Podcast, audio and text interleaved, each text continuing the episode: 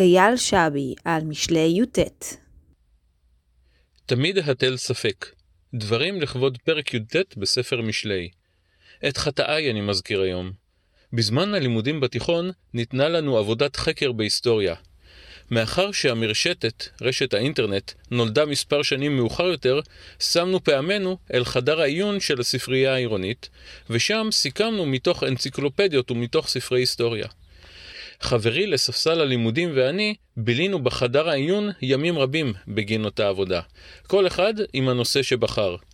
באחד הימים התיישבו לידינו שתי נערות. חברי שכנע אחת מהן להמשיך ולסכם עבורו מתוך האנציקלופדיה בזמן שהוא הולך לשירותים. לאחר שווידאה שהלך, ולאחר שהבעתי את הסכמתי למעשה הקונדס, הנערה החלה לשלב בסיכום שכתבה משפטי אהבה למורה.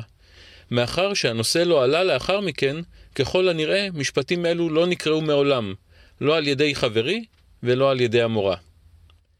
חדל בני לשמוע מוסר, לשגות מאמרי דעת, פסוק כ"ז.